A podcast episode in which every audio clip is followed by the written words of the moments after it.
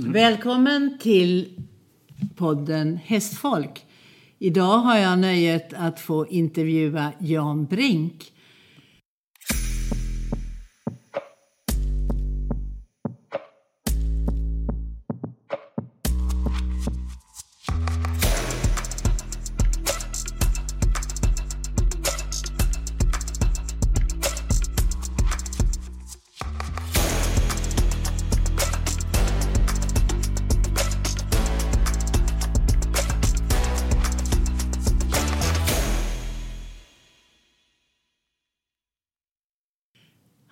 Betytt otroligt mycket för dressyren. Dels med sina egna framgångar med hingsten Briar som vi väl aldrig glömmer bort.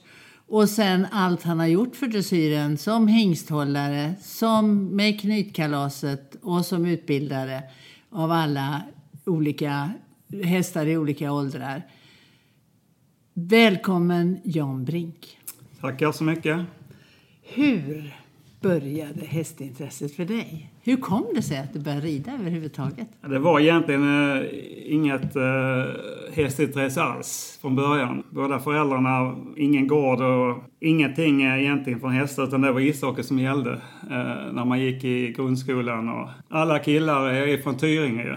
Det är rätt så nära här. Och det var ju ishockey som gällde helt och hållet och alla kompisar spelade hockey och jag tror jag började spela, det hette knatteligan då. Då var man kanske 6-7 år gammal. Och det var ju bara det som gällde. Och vi var väldigt framgångsrika i ungdoms, mycket ungdomsturneringar och så vidare. Och egentligen så eh, var det ganska konstigt för att eh, man var ju lite intresserad av de där tjejerna ju. Vi hockeykillar, vi verkade, det var inte så mycket tjejer på hockeyträningarna precis. Utan de hängde ju på ridskolan. Och eh, ja, så vi var ju där ibland och så vidare och egentligen var vi livrädda för hästarna. Men det ville vi inte visa för att man skulle vara tuff, tuff kille naturligtvis. Så hände det sig en gång att de tyckte att ska ni inte prova att rida en gång? Och vi var dumma nog och sa ja. ja nu i efterhand var det bra att vi gjorde det men det var ju inga ponnysar på den tiden utan det var ju stora hästar och vi fattade inte hur de vågade överhuvudtaget hantera de där hästarna. Så vi, vi var ju ganska, ja vi ångrade oss egentligen att vi sa ja. Men sen eh, nästa vecka då, veckan därpå så eh, skulle vi rida och de, de sprang med oss in i ridhuset och höll i hästen för säkerhets skull. Och jag var väl sist av alla. Och de skrek stanna och, och tjejerna skrattade och ja, det var ganska...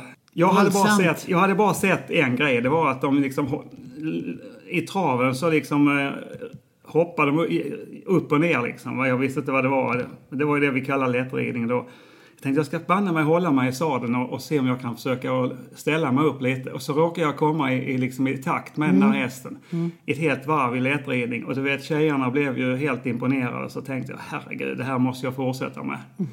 Så jag skrev faktiskt in mig på ridskolan och eh, sa ju ingenting till mina kompisar naturligtvis. Och det gick bättre och bättre. Det var lite hatkärlek när man gick ner till ridskolan. 30 kronor kostade var gång. Och, men det gick riktigt bra och det var några tjejer var intresserade av oss. Så jag hängde där på helgerna med ibland och började bli, känna den här känslan med, med djuret och hästarna. Och, och blev nästan lite halvfanatisk och lånade alla böcker på biblioteket, eh, skolbiblioteket och, och fortsatte rida på ridskolan. Och det blir ju gärna så när man, när man blir uppskattad för någonting mm. så tycker man det är kul att fortsätta. Mm.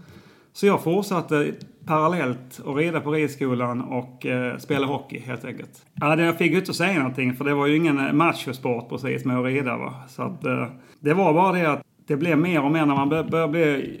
Jag tror att pappa köpte en häst för 3000 kronor till mig. Jag tjatade mig till det. var kanske 13 eller något sånt där.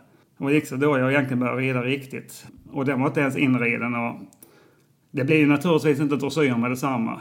Utan eh, man hoppade och lite fälttävlan och, och allt det där.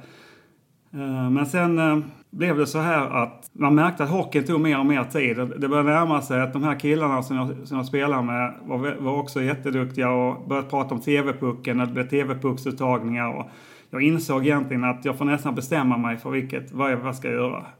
Ska det vara hockey eller ska det vara hästar? Ja, då hade jag blivit så himla biten av det här med hästar så jag, jag la skridskorna på hyllan när jag var 16. Och eh, hade börjat, jag kommer ihåg att jag började bruka allvar i skolan med för jag tänkte tyska måste man vara bra på om man ska hålla på med hästar.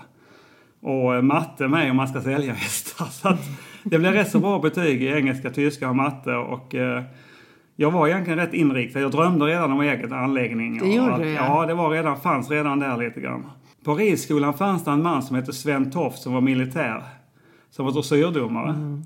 Och eh, ibland fick jag rida hans häst när han var på övningar. Och den, den kunde det mesta. Mm. Piaff och passage och byten. Och jag red på den ibland. Och så, naturligtvis, kille som man är så testar man.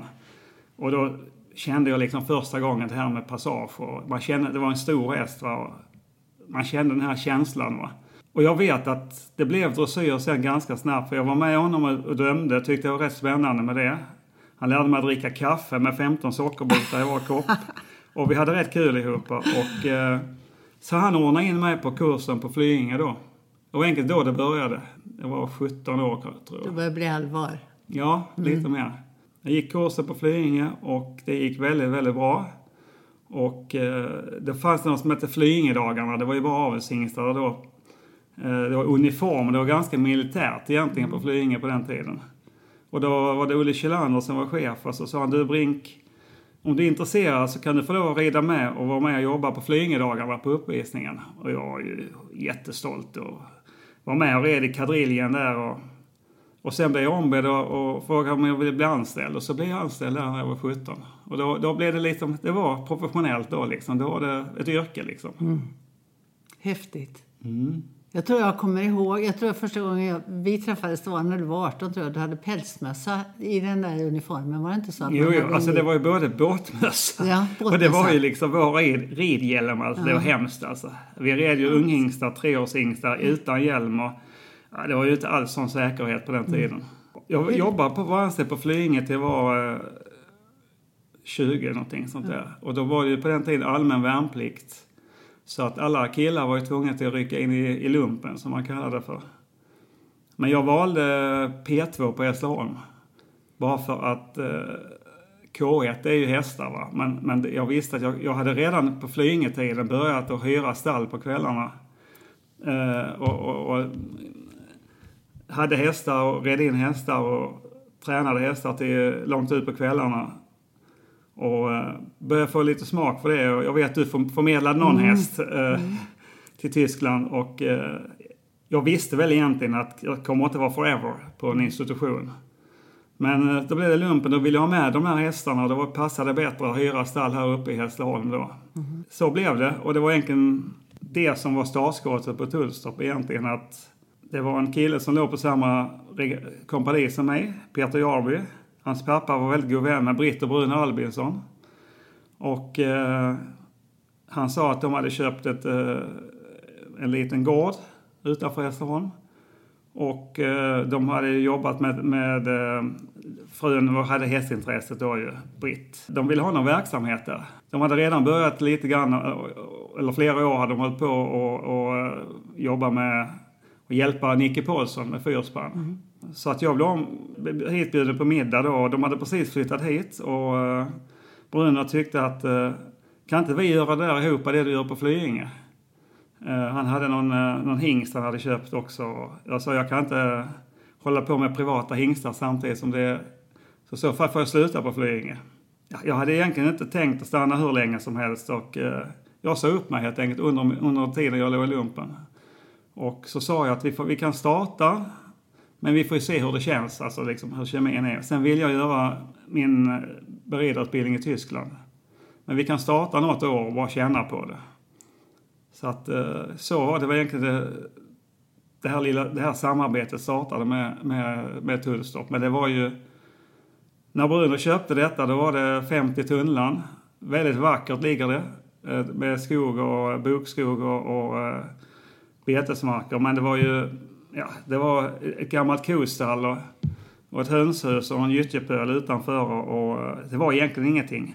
Men äh, Bruno hade, de hade byggt äh, ett antal fem, sex boxar till hästboxar i det här mm. kostallet. Det var väldigt litet. Hur, när du var på Flyinge, var det någon särskilt, liksom, vad tog du med dig från Flyinge? Nej, men det var en fantastisk tid. Framförallt totalt annorlunda än vad det är nu. Eh, stora ridhallen fanns ju inte där. Flyingedagarna var ute på en stor eh, gräsplan där det byggde upp läktare. Jag tog med mig disciplin. Det var mm. väldigt mycket disciplin. Det var uppställning på morgonen och eh, det var liksom otroligt mycket hästkunskap. Mm. Alltså det var väldigt, väldigt viktigt att man kunde häst.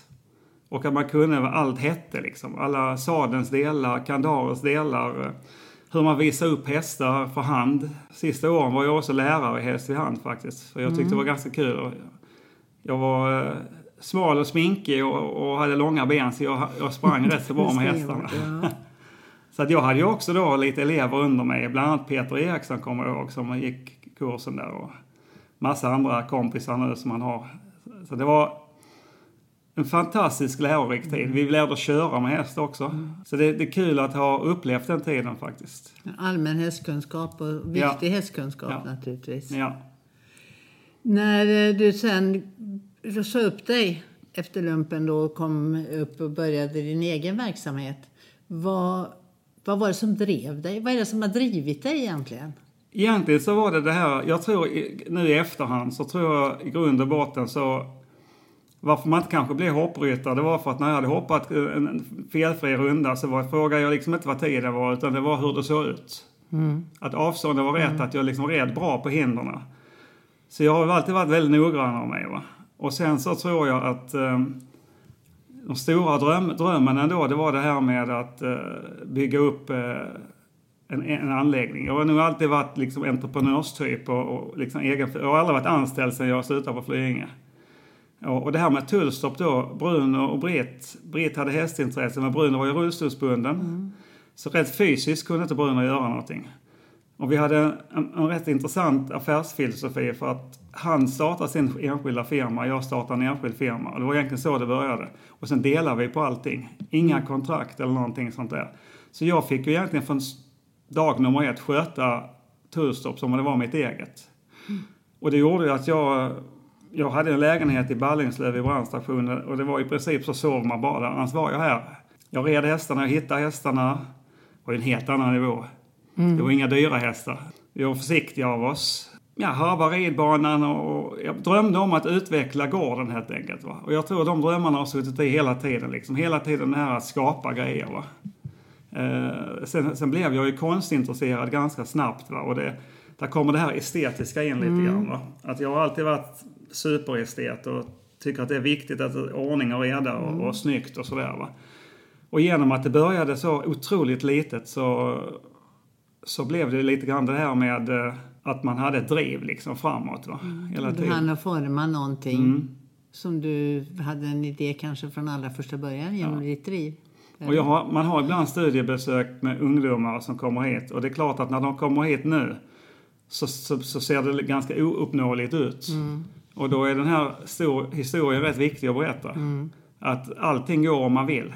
Men det är klart att det krävs ju hårt jobb. Mm. Det, det, det, det är inte, det är inga åtta timmars dagar. Nej, för jag tänker att när du, började, du och Bruno började ert samarbete här på Tullstorp så måste han, och jag förstår att han, du fick väldigt fria tyglar att utveckla det och, och du, mm. ni hade en bra dialog. Det du hade, det du jobbade med då var att skaffa hästar och sälja lite hästar och tävla hästar. Vad hade du, är, är det ungefär samma riktning som du gör nu fast på en annan nivå? Absolut, eh, men, men det var ju absolut fria tyglar. Men det som jag lärde mig mycket av Bruno, det var Bruno hade mycket tid att tänka. Mm. Och jag hade en eld i röven. Va? Mm. Så, att, så att han lärde mig mycket utan att han, han var ju en mentor för mig. Men han, han, hade mycket, han var väldigt lugn. Mm. Och han lärde mig mycket om det här med eh, tänket med att driva ett företag. Mm.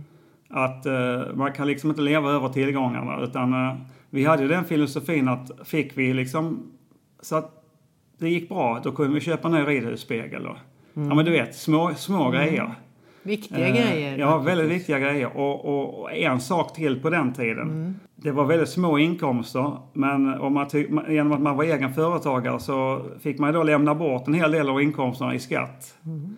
Eh, även om det bara var småpengar på den tiden så, mm. så såg man det på ett annat sätt än när man var anställd. Mm. Men han, han sa, jag kommer ihåg han sa till mig, det är bra att betala skatt. För det, då är det tecken på att det går bra. Mm. Och jag, så jag kom aldrig in i det här liksom att, att man ska hela tiden Eh, det, det, viktigaste är att, att man får in en bra, att, att det blir inkomst. Inte att man, att man snikar ner på foderkvalitet och sådana här saker. Sen var han mycket, väldigt, väldigt samma som mig, att han ville ha ordning och så vidare. Så att när det blev det där att jag fick kontakten i, i, i Warendorf då, till Beredarskolan, jag tror det var ett par år senare. Mm. Så stod det ju tomt där. Va? Men då hade vi fått in eh, bra, så då byggde vi tio boxar till under tiden jag var borta. Eh, och då hade jag två hästar med mig. Så då visste jag att, vi, att vårt samarbete funkade. Och det, jag, tror det, jag tror många som startar företag, man ska akta sig väldigt noga för nu är det en annan tid naturligtvis. Man kan leva på att vara influencer idag, man kan leva på andra saker. Men, men du kommer aldrig, om, om du inte har någonting från början, att göra, du måste samarbeta med folk. Mm. Uppfödare, mm. Eh, någon som har en anläggning. Och det är jätteviktigt när man börjar, att, att ha bra förmåga att kunna samarbeta. Men kemin måste naturligtvis gå ihop. Man måste kunna lita på varandra. Ja, precis. Mm. För det var ju, man, nu när man är här nu så tänker man ju, och man har ju sett under åren hur allting har vuxit. Så att det är ett otroligt, men det är viktigt det du pratar om, att alla förstår vad viktigt det är både med en samarbetspartner som man litar på och också att man tar det det måste komma in något innan man låter det komma ut. Det är ju så. Va? Och, och, ja, för min del har det varit väldigt bra att det var extremt små inkomster. Jag tror mm. första årsinkomsten jag hade var 37 000. Mm. Men jag visste ju att det är ju ett värde, alltså från det man köper hästen tills det att man säljer den så måste det kännas att, det är en, att, att, man, att, att, att man bygger värde i, i det mm. man gör. Va? Mm. I princip är det det man gör nu också men, men då var det ju det var bra att det inte var för stort i början, va, tycker jag. När man var i den åldern. Så mm. jag började egentligen bygga upp min professionella karriär innan tävlingskarriären. Mm. Sen naturligtvis så var det ju de två åren hos Teodorescu, Georg Teodorescu, ja. Mm. I Warndorf var enormt lärorikt. Man lärde sig flytande tyska. Mm. Tyska var ju hästspråket mm. nummer ett på den tiden. Hard work. Mm. Är det något man ska säga om tyskarna så är klockan tre klockan tre. Mm. Man går upp på morgonen och man jobbar hårt. Mm. Och eh, jag insåg ju då redan att, att en av dem kom upp klockan tio på kvällen och frågade är det någon som vill rida, där kommer en kund. Tjockemöller kommer med en kund. Mm. Så var, skulle man bara ställa sig upp och säga jag rider. Mm. Så jag blev utnyttjad till att rida för att det fungerade bra och det var jag glad för. Mm. Fick mycket erfarenhet ja. ja. Mm. Men det var ju att mocka boxar med på morgonen. Det var inte bara att rida. Men, men jag vet att du har berättat någon gång att du lärde att det var mer saker du uppskattade hos Teodorescu med hans noggrannhet och hans känsla för... Alltså Teodorescu på den tiden var ju en konstnär liksom. Ja, han var lite annorlunda mm. än de andra. Han var alltid välklädd. Mm. Eh, även när han red till vardags. Han var lite äldre naturligtvis. Mm. Eh, dottern Monica Teodorescu som är sedan många år grenledare mm. i dressyren i tyska Tyskland. laget. Mm. Var ju min ålder ju. Mm. Eh, och var young rider då och eh, tävlade mycket och vann mycket. Mm. Eh, men de två hästarna jag hade med mig som jag red efter arbetstid och utbildade, det inspirerade mig väldigt mycket för jag kände att jag hade något med mig hem sen. Mm. Och den ena av de där hästarna, Corbett, var ju nästan startskottet sen när jag kom tillbaka för den sålde vi sen till Tyskland för väldigt mycket pengar på den tiden. Och det gjorde då att vi kunde, igen det här, då kunde vi utveckla ännu mer. Mm. Och eh, det inspirerade mig jättemycket det där. Så att eh, det, det blev liksom, men det är klart att jag drömde också om att, att tävla. Alltså jag tävlade ju. Ja, men det blev sålt direkt när det gick bra. Mm. Uh, och det var inte mot min vilja. Men uh, drömmen fanns där. Va? Och jag hade ju många kompisar som red junior Young Rider och, och, allt det där. Uh, och var framgångsrika. Och de frågade alltid, ska du inte tävla mer? Ja, men jag måste sälja den nu och sådär. Blev det då lite grann. Eh, men eh, efterhand så... Eh, jag kommer ihåg att den första hästen egentligen som, som jag liksom behöll lite längre, det var Filosof. En vallack efter Sälen som var väldigt, väldigt fin. Som jag liksom kom med i landslagsrullarna, inte i, i liksom Grand Prix mm. A-gruppen utan Lilla rundan och lovande Grand Prix-häst. Och då hade vi en eh, rikstränare som hette Eo Utohaiser, kommer du ihåg? Ja. Och eh, då fick man vara med på landslagsträningar mm. och sånt här. Och då fick man lite den här smaken på, på en karriär lite grann. Mm. Det var nog eh, först med den hästen som jag, som du kände, kände så. Ja. För jag tänker, du har ju fram tills då, då är du inte så gammal när du har filosof. Hur gammal Nej, nej. är du då ungefär? Ja, då är jag kanske... Ja, i, i, I dagens läge så tycker nog en del att, att det är gammalt. Men jag brukar säga att... Eh, jag kan vara 28, 29 kanske. Ja, men du hade ju ändå gjort många saker på vägen dit, Absolut. tänker jag. Så jag tänker, du har, det är många hästar som du har haft. Och, finns det någon, fram tills dess, var det filosof den du, första hästen du kände att det här är liksom är någon, min häst? Ja, så kan man säga att det var. För att då sa vi den kan vi behålla lite längre. Men sen blev det ju så här att när jag jobbade på Flyinge, va, då var det naturlig beteckning. Och det var ju förenat med livsfara nästan. Du vet ju själv. Sen började det här komma med, eh, med eh, semin.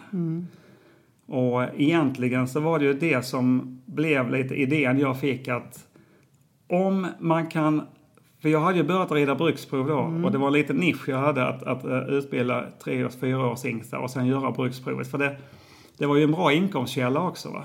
För att uh, de uh, ägarna upp, och uppdragsgivare, de hade liksom blev den godkänd så fanns en inkomstkälla för dem. Så då kunde man lägga ut pengarna på träningen. Så det blev ju något, det vet du själv, vi höll på med, jag bodde alltid hos er och på bruksprovet. Vi hade massor med hingstar. Men just det här när semin kom in, då tänkte jag att då kan man kanske ha kvar hingstarna över sommaren. För de skulle, förr i tiden så åkte de ju ut på station. Station, och så ja. blev de inte utbildade på hela sommaren. Och det var ju en nackdel. Då började vi med att ha avelshingstar här hemma och eh, börja med semin. Och det var ju det som då gjorde att det blev ju en stor verksamhet här sen. Och alla mina medaljhästar eh, har jag haft alltså de var två och ett halvt år gamla. Martini, Fontana, Briard. Eh, kommer från bruksprovet. Och alla trodde ju att jag älskar att rida hingstar men, men det var ju mitt sätt att hitta hästarna. Och känna, känna att det är någon, någonting som är extra med den här hästen. Men det var en eh, kvalitetsstämpel på den redan att den blev godkänd som hingst. Och Ja. visste att du hade gjort det Ja, bra. och sen kunde man ha dem här hemma över sommaren. Och man, sen hade jag ju hästar som, eh, som liksom kom in från hingstan. Allegretto som tävlar också på internationell nivå. Eh, Vallaka som eh, en senator. Absint som också vann Falsterbo. Men sen kan man ju säga Martini var ju den som vann bruksprovet. Och blev, eh, användes mycket i avel. Och eh, där ville ägaren ju att den skulle tävla. Och det blev ju en, en häst som jag väldigt gärna ville behålla. Det var egentligen då jag också med, med den hästen, när den kom upp på Grand Grand Prix-nivå, kände att det här eh, räcker liksom inte med eh, att rikstränaren kommer upp ibland. Det var väldigt sällan. Det var inte mycket internationella tävlingar man gjorde heller innan det blev ett mästerskap. Eh, och det var då Kyra kom in i bilden. precis. Och det var ju Kyra på Flyinge. Det var ju en helt ny nivå kan man säga. Jag räknar ut nu att jag har jobbat med Kyra i snart 25 år. Jag tänkte på det när jag åkte hit, att det måste vara ett, något sånt. 97 tror jag det var, blev det medalj i färden i laget där med Martini. Och sen hade jag en avkomma till Martini som hette Fontana som var ännu bättre. Ännu mer eh, kanske riktig Grand Prix för att det var mer nerv och mer kvick.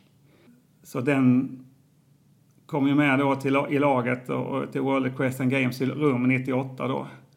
Och då blev det medalj igen. Eh, Men då var ju, då kom Briar, då var Briar unghingst ju. Jag kommer ihåg att jag tog med honom till uh, Kyra en gång ihop med Martini, bara för att låta henne se den. Då sa Kyra att det här är en medaljhäst. Det var fantastisk. Eh, Jag vet Hans-Yngve Göransson som födde upp honom och ägde honom under hela livet och hela karriären. Han släppte en lös i ridhuset och det räckte med två rundor så såg man att det här är... Det var inte många travsteg han tog men han galopperar fantastiskt och härlig nerv och, och helt, helt eget sätt att röra sig. Som egentligen var föregångare. Eh, Det var inte det här raka frambenen. Det kan man ju säga att han var. Han, han var ju, hade ju också en, ut, det blev en utstrålning på ett helt annat sätt Ja. på en häst. Mm. Så det är klart, då, då kom ju de här andra drömmarna in. Va? Med, eh, man hade, med Martini så visste man att det fanns en begränsning. Men han lärde mig mycket. Jag är jätteglad att jag inte hade Briar som första häst. Ska ha sina, lär, sina lärarhästar. ja. eller hur? Eh, och sen var det en annan nivå med Fontana. Så sen blev ju Fontana och uh, Briar lite vid sidan om varandra. Där han var lite äldre, Fonta- Fontana, och gjorde världscup och gjorde det. Det var också på helt andra poäng. Helt andra procent. Men man visste ju redan då att den, den hästen som kommer att bli allra, allra bäst är Briar och eh, han vann egentligen aldrig några årgångstävlingar. För det var inte den typen av gångarter riktigt. Men eh, jag hade ju Zack också då som var en mer championatsung gångarshingst. Som också kom upp i OS-nivå naturligtvis med Minna då. Minna Telde. 97 tror jag det var. Som det började bli lite kritiskt läge. För att då sa, då vis, då sa Kyra att eh, hon kommer att lämna Sverige eh, och Flyinge. Och eh, hennes man Richard White då, är ju engelsman. Och de bodde liksom, han, hon från Finland och han från England. Så då ville han nog gärna till England då. Och eh, min mentor sedan många år fortfarande och lite sponsor Åke Björsell. Eh, vi sa det här är inte, det, blir, det är inte bra detta. Och jag sa till Åke att eh, vi måste göra nå- någonting med Kyra, alltså göra någon deal för annars så kommer amerikanarna att ta henne och, och hon kommer inte ha tid. Och, och då började vi fantisera. Så då, i hennes kök i Flyinge då, då bestämde vi oss för att bilda Knytkalaset. Och det, då hade vi inget namn på det men Åke Björsell han älskar att sätta namn på allting. Va? Och vi tyckte väl det var lite odd sådär, lite konstigt namn egentligen. Men han menade på att eh, ryttarna kommer dit med sina ambitioner. Du sätter din anläggning till förfogande. Och eh, Kyra med sin kunskap. Och då är det ett knytkalas. Det var jättebra namn ju. Mm. Men du, när, när, vilken var din första tävling med Briar egentligen? Jag tror han gick lilla rundan när jag red Fontana i Grand Prix i Aachen som sjuåring. Så det har varit 90... Ja, det kan ha varit eh, ungefär då när det var VM i Rum. Ja, precis. 98, ja. Det var första tävlingen i Aachen. Sen gick han 11 år i rad i Aachen. Det är helt otroligt. Så många år. Och Jag tror bara han hade en gång då när han rullade sig på någonting. Ja, han rullade sig. Vi kom fram Som till han- lingen och, och eh, man strör upp boxen då va? och eh, man vill av hästen så fort som möjligt. Och det var jättevarmt ute. Och det, det vet vi alla vad hästar gör när de kommer in med boxen och rullar sig. Och då var det en kloss som inte vi hade sett i spånbanan. Och han rullar sig rakt på den och knäcker ett revben. Och vi trodde ju han hade kolik för han stod så här och skakade, hade ont va, och sådär. Så vi eh, åkte honom till klinik och de kände på honom, ja lite ut, kanske lite uttorkad men det borde inte vara någonting och så vidare. Och så gnäggade han en gång. Och så bara tog han två gnägg och sen så bara... Så det där var konstigt. Så blir han Och du alldeles vet stel. själv om du har bräckt ett revben, då kan du inte skratta eller... Och då började de trycka på honom sådär va. och då upptäckte de att det var ett ställe där, där det, han hade väldigt ont. Och det gjorde ju att jag fick hoppa över den tävlingen. Ehm, och det var ju det var 2006 och det var World Equestrian Games i Aachen. Ja. Och, eh, men det här det var ju på våren. Men han fick ju då, det där kan du inte göra, det ska vara självläkare. Så han fick ju bara gå och ta det lugnt tills det liksom hade, han inte hade ont där längre, man fick känna på honom. Och sen eh, satte jag igång honom igen och han blev färdig för VM. Men det var ju en väldigt kort Uppvärmning. eh, tid. Ja. Men det var enda gången han har haft någonting liksom. Det, Helt otroligt under alla år. mm. Han betydde han var ett ankare i laget länge. Det var han ju och eh, jag lärde mig väldigt mycket av det här med, eh, vi pratar om det fortfarande, det här med att hästar är överrörliga. Och, Briar var ju en föregångare där. Han hade väldigt mycket eh, rörelse uppåt. Att man får vara väldigt försiktig med de hästarna och inte, liksom när de väl har lärt sig grejerna, att inte träna för mycket. Och absolut inte för mycket travökningar och så vidare. Jag hade nog det i huvudet hela tiden. Jag tror mycket av det som gjorde att han fick så lång karriär var att jag var väldigt noga med att, att han återhämtade sig.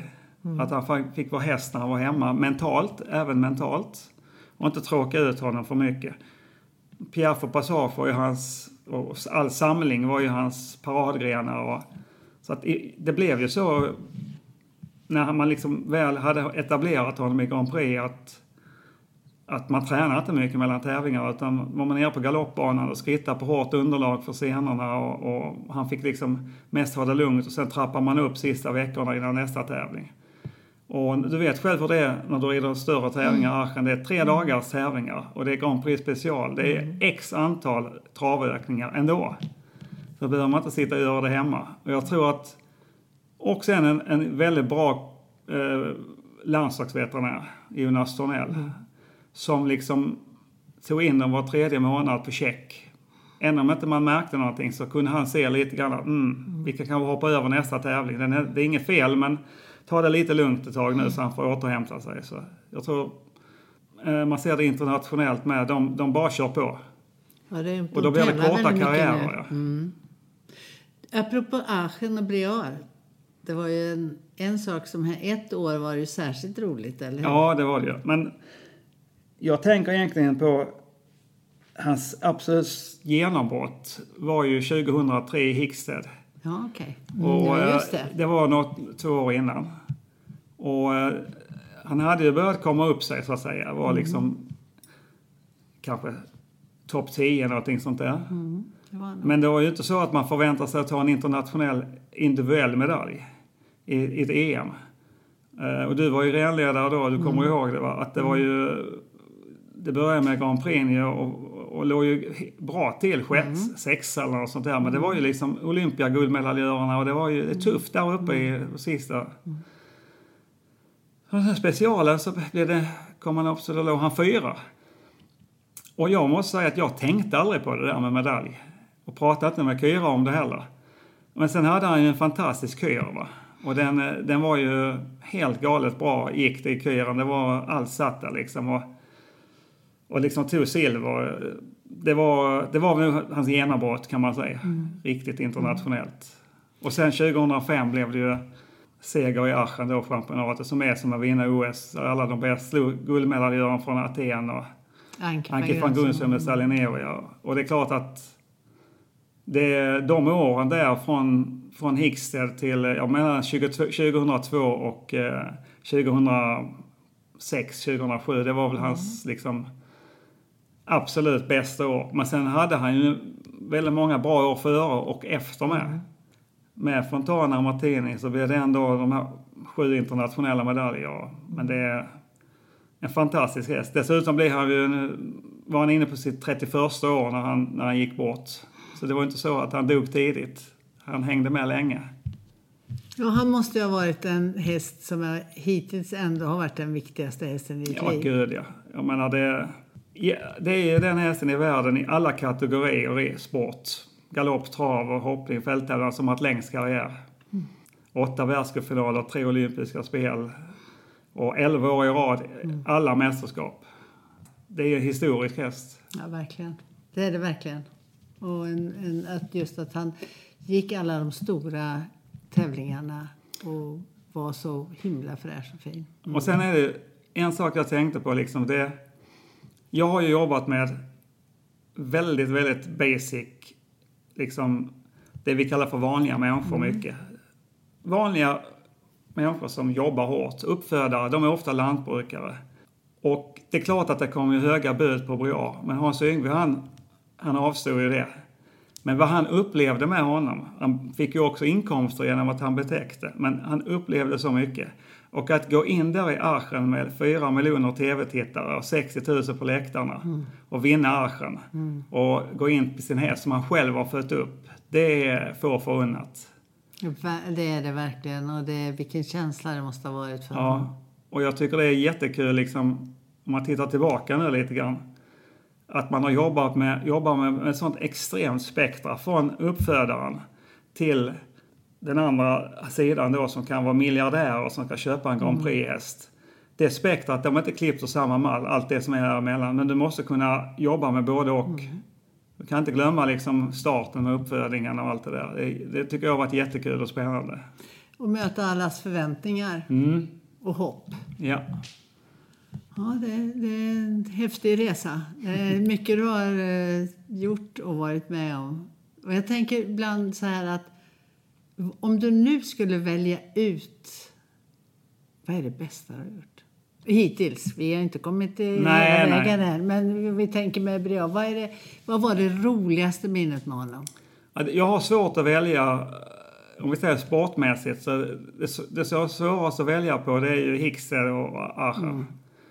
Eh, vi blev fyra i laget i Beijing sista OS och det är klart att ingen kommer ihåg en fyra. så Men det är ju inte dåligt. Nej.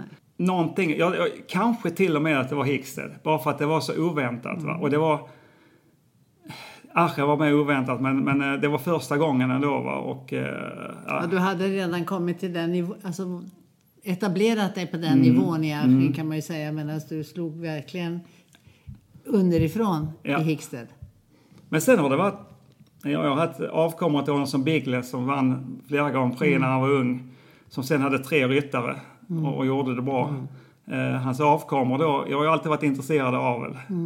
Eh, och eh, jag tror jag har haft stor glädje av det va? för att man har, man har varit van att se unga hästar. Många tränare de ser bara tränade hästar och då är det svårt att välja ut dem innan alla andra har upptäckt att de är bra. Mm. Och det har jag, så jag har nog haft glädje av det där med hingsthålleriet ganska mycket. Eh, för att hitta unga talanger. Förstå hur utvecklingen kan vara olika på olika hästar. Mm. Och härstamningar och allt det där. Att man liksom... Man, man vet lite grann efter ett tag att hur, de, hur, hur de här kombinationerna brukar vara och så vidare. Va? Jag tänker också på det här med att jobba med, med hingstarna. Som du har ju inte, gör ju inte det längre. Nej. Vad kommer det sig? Ja, men det var... Det har varit en fantastisk tid. Det var extremt varumärkesbyggande med, med hingstarna i Sverige. Bygga varumärket Tullstopp. När vi började med det här då, då åkte man omkring med hingstarna på massa ställen och hingstvisningar. Och jag, jag var inte jätteglad för det där för det var 50 hingstar och, och en jäkla röra. Och, Alla gick ökat och hingstarna, alltså jag är rätt noga med ridkänsla och så vidare och det var liksom lite, och när uppfödarna gick därifrån så snurrade det i huvudet, det var alldeles för många. Och man skulle iväg på det där grejet, och bilen full av hingstar och så vidare. Så jag tänkte, det där vill jag inte hålla på med, det fördärvar nästan, eh, de, för jag tävlar ju alla de här hingstarna. Jag gör banne mig en hingst, för jag byggde stora ridhallen 98. Eh, lite innan det så, så jag tänkte jag ska göra privat hingstvisning. Alltså jag var väl den första här i Sverige som började med det här med att vi ska ha hingstvisning hemma på gården. Och det hade vi sen varje år. Och jag ska göra det mer familjärt så att de har tid att se var hingst. Och då snackar vi om att man kanske hade 8-10 hingstar att visa. Och sen var det, du vet, man bjöd på kaffe och korv och, och grejer till folk som kom. Och det var ju fullsatt här alltid. Och lite halvklinik ibland och berättade om var hingst och berättade om, eh, om hur de är i temperament. Och, och man hade tid att se hästen och det var ingen stress. Det var inte bara in och ut utan... Och sen har ju väldigt många tagit efter det. Idag gör ju alla de stora eh, sina egna hingstvisningar. Lövsta och Gränsbo och så vidare. Och och jag tror det är ett bättre sätt att göra det på. När jag avslutade min karriär 2009 så märkte jag att det blev eskalera mer och mer när det gäller försäljning till tränade hästar. Att det var väldigt stor efterfrågan på utbildning och utbildade hästar. Och eh, har man så många hingstar som vi hade, vi hade 25 hingstar i vårt program, så tar det, det är väldigt mycket eh, personalkrävande och det är mycket tid. Och vi, vi tjänade pengar på det i företaget, men in, inte enormt mycket, men väldigt mycket jobb. Plus att du ska ha tiden också. Och eh, genom att jag aldrig hade tränat några ryttare under min karriär, för jag ville fokusera på den karriären, så visste jag att när jag slutar karriären så måste jag jobba mer med, med träning och ryttare med. Och eh, också uppföljning av hästar man har sålt. Det vill säga att säljer man en häst så ska man ta ansvar för det lite grann. En del kanske då vill ha hjälp med den där hästen eh, i efterhand. Och då insåg jag att jag kan inte göra allt. För då blir det lagom bra allting. Utan jag insåg med att hingshållare kan många vara. Men att utbilda Grand Prix-hästar är inte lika många. Och jag visste att vi var bra på det. Och eh, sen är jag ju lite grann sådär att jag har alltid tyckt om att göra projekt och sen avsluta när det går bra. Så var det med karriären också. Jag visste att jag hade varit över 20 år i landslaget och var väldigt nöjd med min karriär. Och jag avslutade med Briars karriär innan alla andra tyckte att man skulle sluta. Innan de liksom var halta och lytta. Utan, så 2009 i Las Vegas så var sista rundan med honom. Och då tyckte jag att det var lagom för mig med. Och jag hade då träffat Katarina 2005 och eh, vi gifte oss 2007 och 2009 var hon gravid med Angelina. Mm. Och jag tänkte att det, det, är nog enda gången som jag kände att man skulle kunna vara en bra pappa. Mm. Eh, under sin karriär så är man liksom aldrig hemma. Mm. Och man är, man är, allt kretsar kring din person. Mm. Och, och, du måste bli, det blir väldigt mycket kring dig, dig, dig. Och då kan det vara ganska konstigt att stå där som en, en förvånad fru bredvid hela tiden. Va? Uh, så jag tänkte nu är det, ska jag vara, liksom, ha familj och, och så vidare. Så det, för mig var det nog det som betydde mycket också, att, att jag ville jobba och bestämma själv allting. Inte för, förbundet eller olympiska kommittén och så vidare. Och då gick jag in på den nya grejen då och, och med eh, renodlade det här med eh, utbildning. Eh, knytkalaset var det full fart på och eh, jag hade flera unga talanger mm. som jag tyckte var kul att jobba med. Eh, som jag fortfarande jobbar med. Och, Anna Sibransson, Marina Mattsson framförallt, eh, Emma Jönsson, Lina, Elin Asmers på den mm. tiden. Det var många juniorer. Eh, Marina började med redan när hon var 14 år och Emma var med ung. Eh, och det har hjälpt flera av dem också med egna verksamheter som de har nu. Eh, och jag tycker det är jätteroligt. Mm. Eh, så att eh, det var inte att vi backade tillbaka utan vi tog bara sats istället. Och, och renodlade lite på den vägen. Ja, det låter, när du säger det så ser man ju framför, framför sig hur du har varit renodlad i det du vill göra. Du ja, har inte blandat ihop en massa saker. Jag tror att... Man brukar säga att det är manligt att göra en sak i taget. Men, men jag tror att gör man för mycket så mm. blir det gärna lite halvt, halv, ganska bra bara. Mm. Och jag gillar inte ganska bra. Jag gillar att känna att man har gjort allt, verkligen, för att det ska bli bra. Och eh, det känns väldigt bra med detta nu och, och även då, jag tror det var 2010, då kom jag i kontakt med eh, Matilda Hanell i Falkenberg började träna med mig när hon började med junior med stor häst. Och pappan då, Patrik Hanell, pratade om att han ville gärna bygga något, något, något ställe, spartanskt litet ställe i Falkenberg för han var trött på att köra till träning hela tiden. Mm. Det var så mycket körande.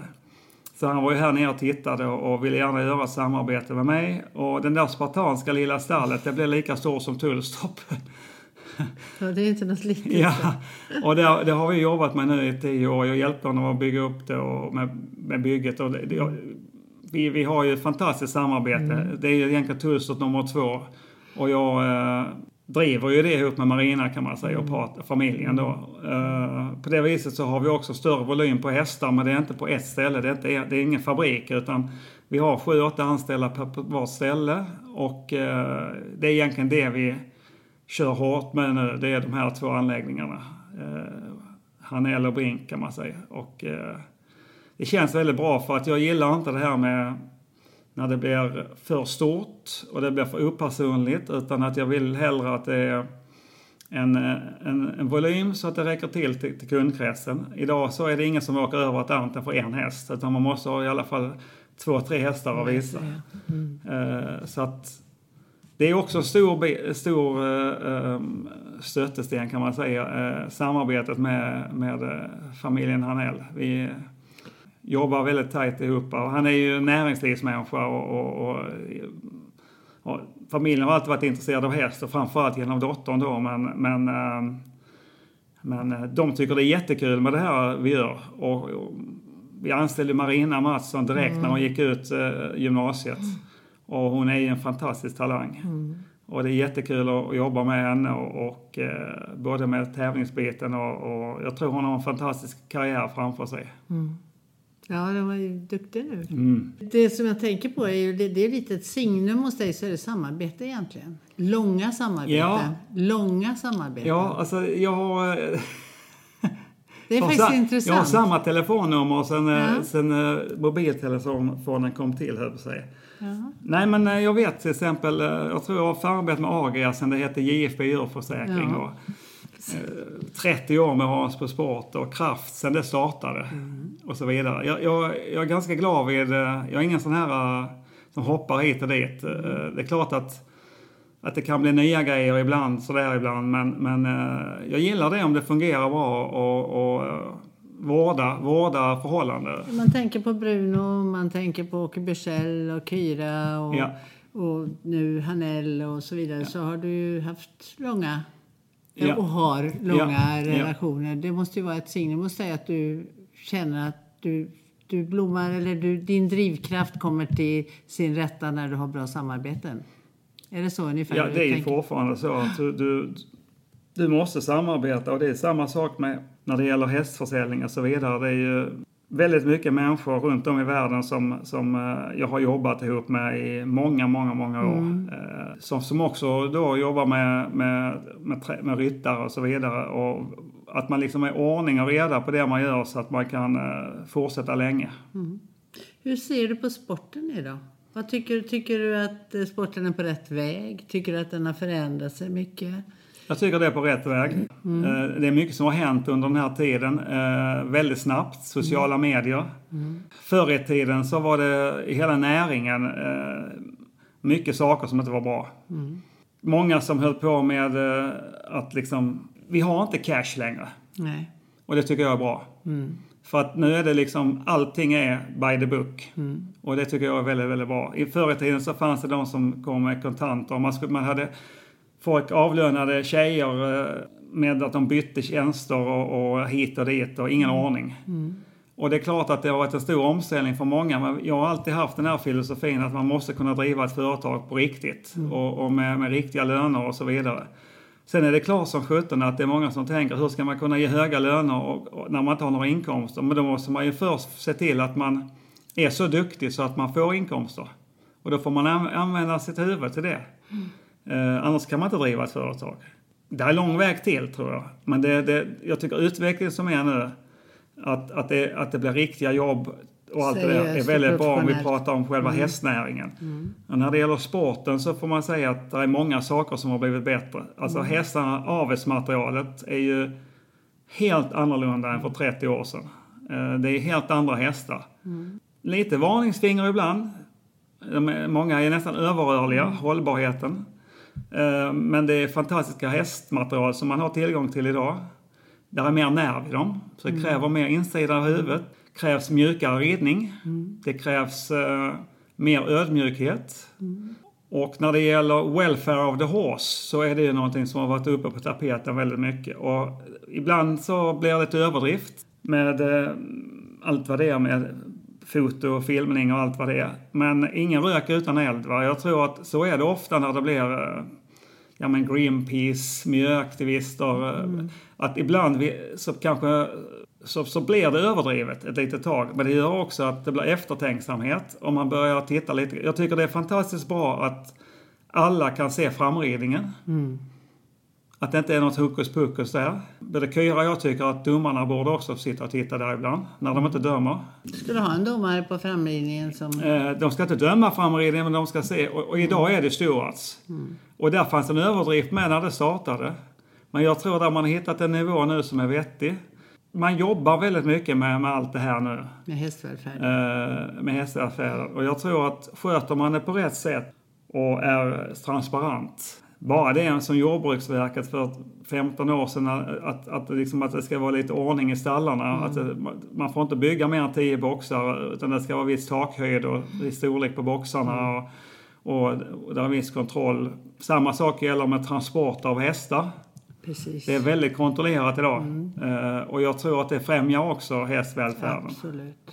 Och hästvälfärden är ju någonting som, som har gjort också att vi tänker efter mycket mer.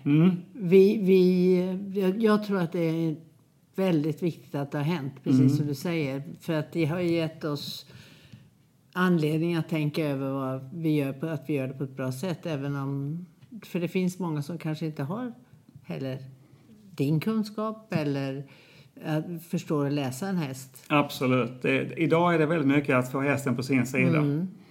Det är inte liksom att den ska, jag ska bestämma över hästen, nu ska nej, jag sätta den på plats.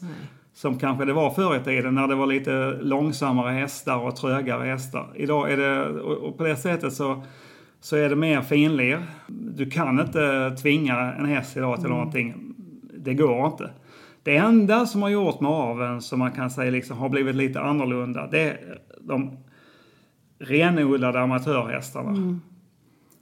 Förr i tiden så var det enkelt att hitta sådana hästar. Vi pratar läng väldigt länge tillbaka. Mm, tillbaka ja. För de var, de, de, var mycket långsammare, lugnare mm. och, och allt det där. Va? Idag är de mer avlade för sporten. Och det är lite svårare för rena amatörer att hitta hästar som är perfekta för att rida ut en runda i skogen på en söndag. De har stått och bara gått i hagen hela veckan innan. Och där har vi fått en, en ny kategori hästar som mm. säljs oftare till dem. Islandshästar, andalusier, lusitaner och så vidare. Va? Det är ju svårt för att aveln utvecklas på det hållet. Och sen så får man ju naturligtvis titta på det, att temperamentet är ju nog det viktigaste idag tycker mm. jag när det gäller avel, att, att, att det är bra temperament. Ja, så att ridbarheten ja. är ju också därefter ja. naturligtvis. Men att det är ju känsliga hästar idag, mm. så är det ju. Och det ser man också ridskolorna har svårt att, att hitta hästar, mm. i alla fall i Sverige. Mm. Och, och det, men det hoppas vi på att det ska kunna vara. Det handlar ju också mycket om ridkunskap. Att Absolut. kunna utbilda unga hästar och kunna få dem att, att eh, bli bra läromästare i sin tur. Jan, eh, eh, nu, mm. dagarna nu. Ja. Vad, vad, har du, vad, vad, är det som driver dig nu? Har du nya projekt på gång? Nej, men det som driver mig väldigt mycket nu det är att, att fortsätta och liksom att Tuts ska aldrig bli större. Eh, Hanel Dressage är färdigt. Eh, det, det, ska heller inte bli större.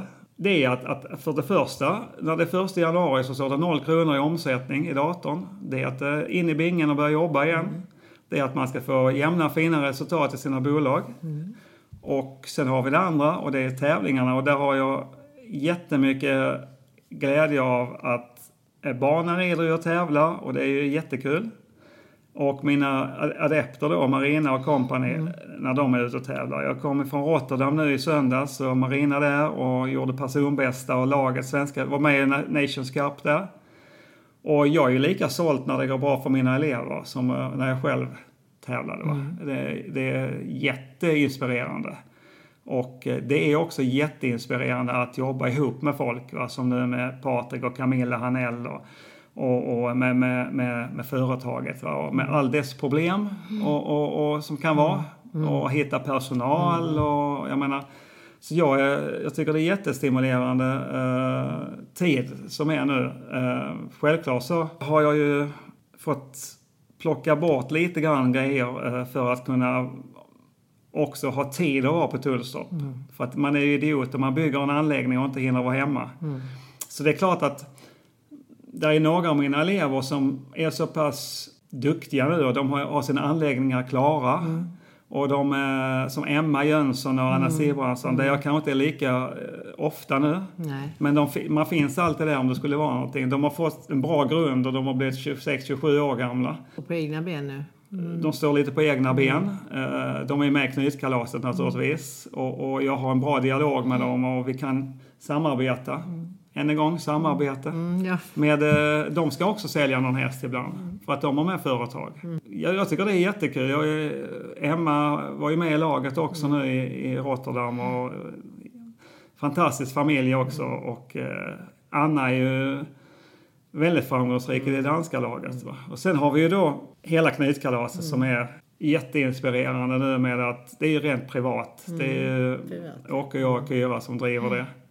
Och det är väl, verkligen för, förbund, för, för, för, för förbundet. Vi skaffar våra egna sponsorer och det är bra för Sverige. Mm. Då kan man ju någon fråga sig varför är Charlotte, äh, Katrin Dufour med och Anna Sibransson? Mm. Anna Sibransson har ju bott hos mig i två år innan. Jag har haft henne sedan hon var juniorryttare. Äh, så det var kanske naturligt. Och någon sa varför har ni med, de är världens bästa dressyrnation mm. idag, Danmark. De vann VM. Mm. Varför främjar ni dem? Så det, vi främjar ju Sverige. Mm. För att är, hela knytkalaset är ett träningsläger.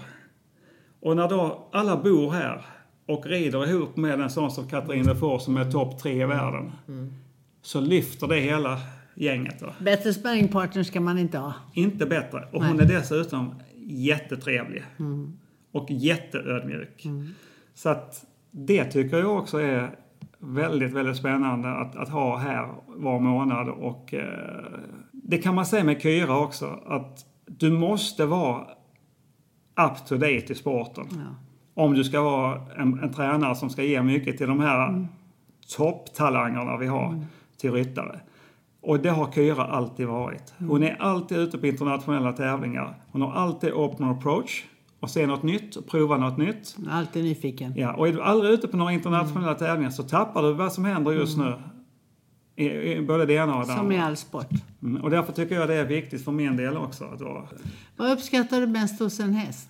Alla vill väl ha gångarter på en häst som är bra gångbara i tävlingssammanhang. Alltså det behöver vi inte prata om att man vill Nej. ha en, en, en, en bra gångart. Men mer och mer så blir det, ser jag det som viktigt att det är reliable, alltså pålitlighet. Marina säger det nu om Helix vi har nu att det är så jäkla skönt att rida in på medlinjen för jag, jag vet var jag har honom. Han ställer upp. Vi har vårt relationship, alltså, som är otroligt viktigt. Det är jag sa att man ska vara ödmjuk mot hästen och att man ska liksom, det är en partner. Va? Både när det gäller försäljningar så är det, det, det räcker inte att jag kan rida hästen eller Marina Mattsson eller någon annan som är proffs. De, de måste kunna ridas av andra människor. Annars kan vi inte sälja dem. För är, de, är de för svåra och, och opålitliga temperamentsmässigt så är det så att temperamentet och hur de tar emot träning och viljan liksom att, att, ehm, att arbeta. Det är nästan det absolut viktigaste tycker jag. Har du svårt att skiljas från en häst någon gång? Det är klart att det hade varit otroligt... Jag hade inte svårt att skiljas från Briar efter 18 år Nej. när han skulle åka ner till, till Hans Yngve. Och njuta sitt Men hade det varit så att den hade blivit sålt mitt i karriären, va, då hade det varit ganska svårt för att jag levde ändå med den hästen i 18 år. Va. När det gäller alla andra hästar här så har man ju fått lära sig att de blir här inte forever. Det fick man lära sig tidigt. Va? Men det är klart att, att det finns ju vissa hästar som äh, ligger en varmare om hjärtat än andra. Martini var ju med en sån häst. Den hade jag ju livet ut liksom. Han gick väl här som... Ja, ja. Vi hade, jag hade en annan hingst med som jag, den blev såld tidigt men köpte tillbaka den igen, som heter Kjellon. Som också var en fantastisk individ. När hans karriär var över i Holland så köpte jag tillbaka honom och så fick han vara i avels hingst några år till här. Och det var också en sån här väldigt speciell häst. Ja, Jan. Det, du har betytt och betyder mycket för sporten. Och eh, det är en fantastisk karriär du har haft. Det är helt otroligt. Och det är så härligt att se att du är, fortfarande har ett sånt driv och en sån passion för sporten. Det, är, det lovar gott för framtiden. Tack snälla för det här samtalet. Tackar.